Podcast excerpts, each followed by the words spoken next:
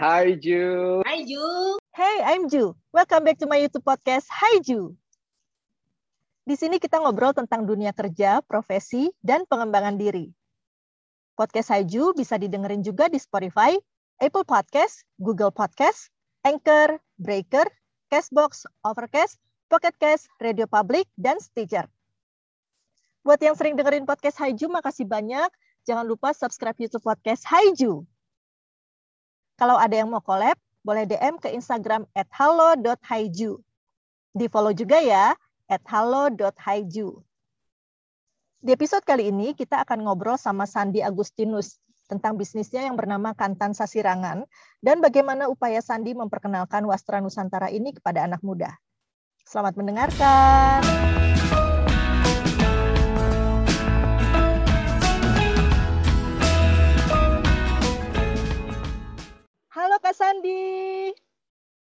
Hai Ju. Apa kabar Kak?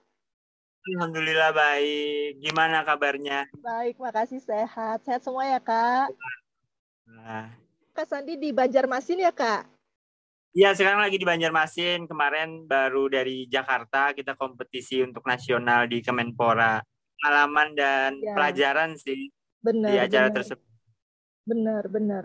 Kak Sandi nih aku lihat udah banyak banget pengalamannya, kontribusinya. Wah. Aku mau tanya dulu Kak, ini sasirangan tuh apa sih Kak? Apa sih ciri khasnya? Apakah ada filosofi di balik desainnya? Apa sih bedanya sama batik? Jadi sasirangan itu sendiri sih sebenarnya kain tradisional khas dari Kalsel nih.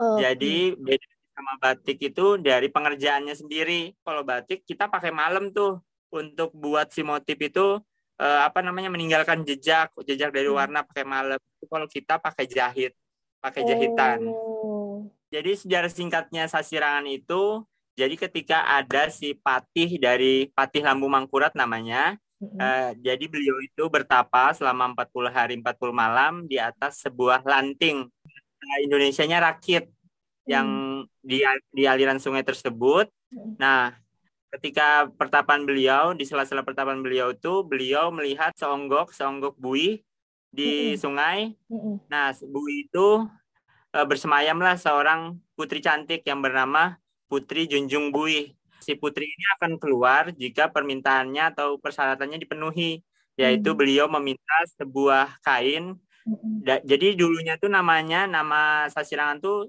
dulunya namanya kain langgundi sehelai kain uh, yaitu kain langgundi yang bermotif uh, padi waringin hmm. dengan warna kuning dan kuning dan hijau dan juga dia minta sebuah batung batulis.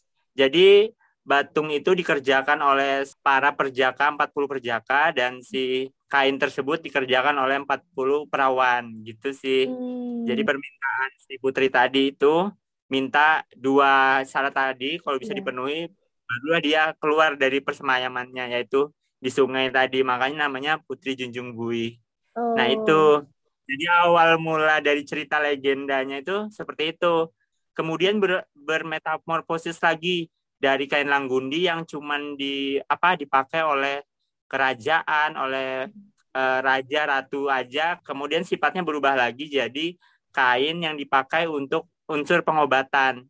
Jadi oh. namanya kain pamintan. Nah, jadi berubah lagi nih uh, menurut kepercayaan-kepercayaan gitu. Jadi uh, kain pamintan itu dipakai untuk uh, misalnya orang yang sedang tertimpa penyakit dalam tanda kutip apa sejenis dukunnya gitu sih hmm. yang bakal dia ngasih seutas namanya kain tersebut dan mungkin dililitkan di bagian-bagian tertentu yang dipercaya bisa mengobati penyakit yang tadi kain pamintan tadi hmm. itu sih Nah, barulah eh, di era mulai maju, kemudian kain tersebut, kain pamintan tadi, baru berubah lagi namanya jadi kain sasirangan.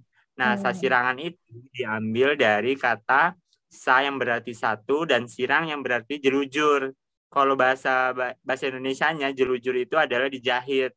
Nah, gitu. Hmm. Jadi kain sasirangan adalah salah satu kain yang dijelujur atau yang dijahit dengan satu jalur untuk menciptakan motif dan uh, corak tertentu di media tertentu juga. Nah, itu sih. Nah, jadi kalau sasirangan itu khasnya itu yang titik-titik ini jejak dari perintang warna. Hmm. Jadi kan ini awalnya baju aku warnanya putih nih.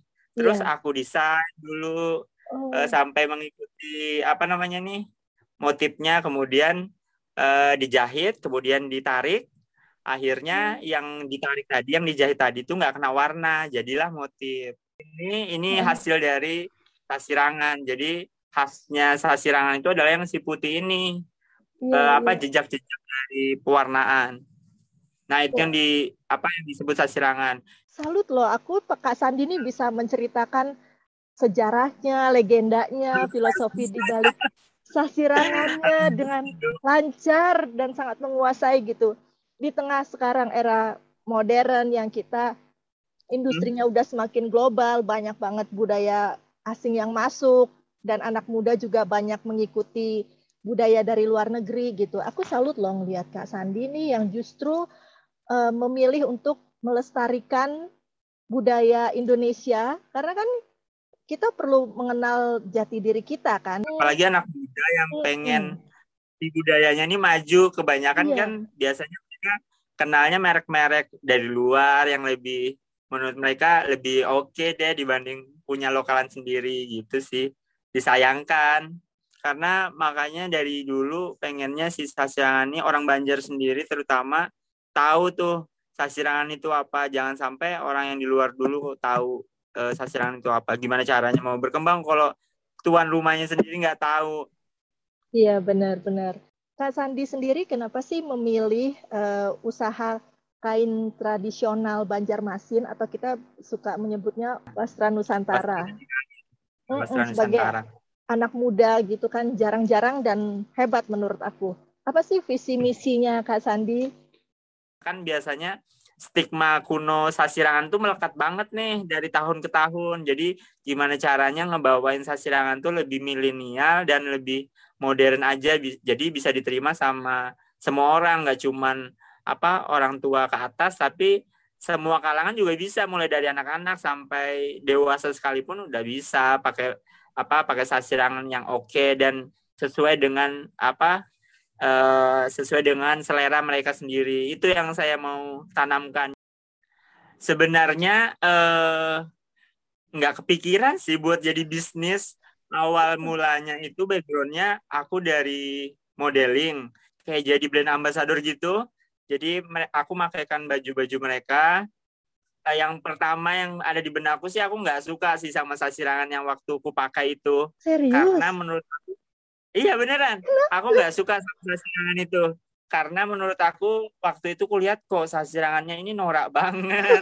warna warna yang dia apa disatukan tuh nggak matching menurut aku. Kemudian gaya-gayanya kurang kurang kekinian lah. Nah dari situlah uh, akhirnya aku mencoba kayak mau tahu nih ya apa sih proses sasirangan sebenarnya. Memang sasirangan itu kalau kita mau belajar sasirangan dulunya itu tertutup banget itu oh. ingat banget di tahun 2009, 2011, 2014 tuh nggak ada sama sekali yang mau ngelajarin sasirangan. Ya, intinya kayak sasirangan tuh udah dijadikan bisnis tapi jadi takut mungkin ya takut kesaingan atau gimana aku nggak tahu juga sih.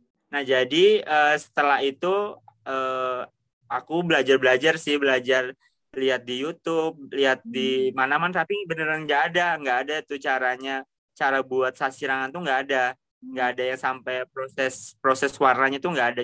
Jadi namanya orang yang namanya saya ini uh, pengen banget belajar terus kayak apa namanya ya namanya suka aja. Jadi penasaran kan? Itulah penasaran itu yang membuat saya itu lebih kalau bahasa Banjarnya tuh cangkal. Gimana caranya biar bisa tuh belajar itu tuh? Terus uh, yang ada di kepala aku waktu itu cuman bilang uh, pokoknya kalau aku udah bisa buat sasirangan, hal yang pertama aku lakukan aku bakal uh, apa explore nih ilmu dan kemudian aku bagikan nih ke semua kan nggak cuma di masyarakat di Banjarmasin aja tapi sekal selan uh, sekalimantan selatan gitu. Dan itu aku lakukan. Jadi pas sudah udah bisa kemudian aku keliling ke Kalimantan Selatan aku ke kabupaten ini ke desa ini ke kelurahan ini. Itu aku dari yang cuman dibayar makanan doang kemudian cuma ngajak-ngajak teman-teman yang mahasiswa yang mau nih bantuin aku untuk nge-share ilmu itu sampai akhirnya mulai dilirik nih sama pemerintahan sama dinas terkait lah untuk uh, apa belajar apa ngajarin tuh sasirangan. Bagaimana Kak Sandi membuat Kantan Sasirangan ini menjadi punya keistimewaan, ciri khas unik yang berbeda dari sasirangan yang lain, terutama kan Kak Sandi anak muda nih. Uh, dan apa upaya yang Kak Sandi lakukan supaya sasirangan diterima oleh anak-anak muda? Oke, jadi waktu itu inget banget uh, masih kuliah, udah itu mulai gara-gara di di apa di ditolak sana sini akhirnya ya udah buat sendiri itu brand karena udah bisa dan itu udah ngangkat pewarna alam. Jadi yang lain di Banjarmasin itu rata-rata uh, pewarna kimia ya, menggunakan hmm. pewarna kimia dan akhirnya maju dengan menggunakan pewarna alam. Nah, jadi waktu itu uh, produk yang pertama aku luncurin itu adalah tote bag. Jadi dulu hmm. itu uh, lagi musim di, ta di tahun berapa ya tuh? Uh, itu lagi musim tuh tote bag tuh tas-tas tote bag tuh dipakai untuk anak-anak kuliahan. Jadi waktu itu aku udah jadi model aja, makain produk sendiri. Eh sekalinya banyak tuh teman-teman. Eh kok keren sih? Nih hmm. nih sasirangan ya sampai orang Banjar sendiri kayak kok ini sasirannya beda aja dibanding sasirangan yang biasanya. Jadi varian produk sasirangan yang awalnya cuman kain, kain, kain, kain, kemudian sekarang udah banyak tuh yang nggak cuman kain doang yang bisa dipasarkan dan nggak ninggalin kesan dari tradisionalnya. Jadi kan sasirangan tuh punya 12 motif tradisional nih yang udah dihakikan sama pemerintah. Jadi gimana caranya sih motif tradisional itu tetap khas dari sasirangan. Jadi aku maduin tuh antara motif tradisional dari Sasirangan sama motif kreasi modern. Jadi seperti kontemporer gitu sih. Jadi biar e, biar diterima aja sama banyak orang. Yang terbaru ini adalah teknik si apa sasirangan dicampur sama ekoprint itu yang paling baru. Dulunya teknik e, sasirangan tapi ada e, dari teknik teritik dari sibori ada juga. Tapi kalau yang sekarang tuh yang diminati itu adalah uh, sasirangan dengan teknik uh, kawinan dari sasirangan dan ekoprint. Nah hmm. itu sih. Kalau yang Pak Wali Kota order santan sasirangan itu gimana ceritanya Kak Sandi? Iya benar kain sasirangan ekoprint kemudian di apa dibagikanlah ke semua uh, semua wali kota di Banjarmasin. Nah itu yang paling keren sih. Keren. Jadi produksi dari kantan sasirangan waktu itu motifnya adalah uh, motif tradisional dari kacang ka, kembang kacang terus aku paduin dengan ekoprint jadi kalau kembang kacang itu bermaknanya itu sebuah keakraban nah hmm. itu yang mau ku mau ku share bahwasanya motif ini yang ku buat ini nggak cuman sekedar motif tapi punya nilai dan punya cerita di balik motif tersebut. Keren banget. Uh, Kak Sandi juga pernah membawakan kantan sasirangan ini ke Indonesia Fashion Week ya Oh iya, jadi itu uh, entah kebetulan atau apa ya. Jadi waktu itu satu-satunya nih, padahal baru banget, baru baru baru merintis untuk pewarna alam dan akhirnya udah udah dikirim aja nih ke Jakarta untuk mengikuti pameran. Waktu itu nama pamerannya adalah Krianusa. Pas banget ada salah satu desainer yaitu Poppy Darsono. Jadi oh. uh, Mbak Poppy itu uh, gini, eh, apa datang ke stand kita ini ini warna alam ya aja kata beliau. Oh hmm. iya benar uh, saya bi bilang apa ya mbak kayak ibu waktu jadi agak-agak agak deg-degan juga. Karena waktu itu tiba-tiba banyak ini kan banyak kayak wartawan gitu dan di stand kita doang tuh yang gitu. Akhirnya beliau bilang eh, bisa nggak nih wah apa sasirangan ini uh, ikut nih masuk ke apa ke Indonesia Fashion Week. Jadi dia uh, dia bilang uh, apa mau mau warnanya begini dengan tema hujan. Jadi saya coba buatkan jadi deh tuh baju dan beliau nge-share bahwasanya ini nih dari Kalimantan Selatan nih dari perwakilannya anak muda banget nih yang yang oke okay banget nih apa desain dan pengerjaannya. Nah, itu sih itu kebanggaan banget sih. Apa pesan dari Kak Sandi untuk teman-teman generasi muda nih terkait dengan yang mau terjun ke bisnis UMKM mungkin dan uh, di bidang hasil kebudayaan Indonesia seperti kain tradisional atau hasil kebudayaan Indonesia lainnya?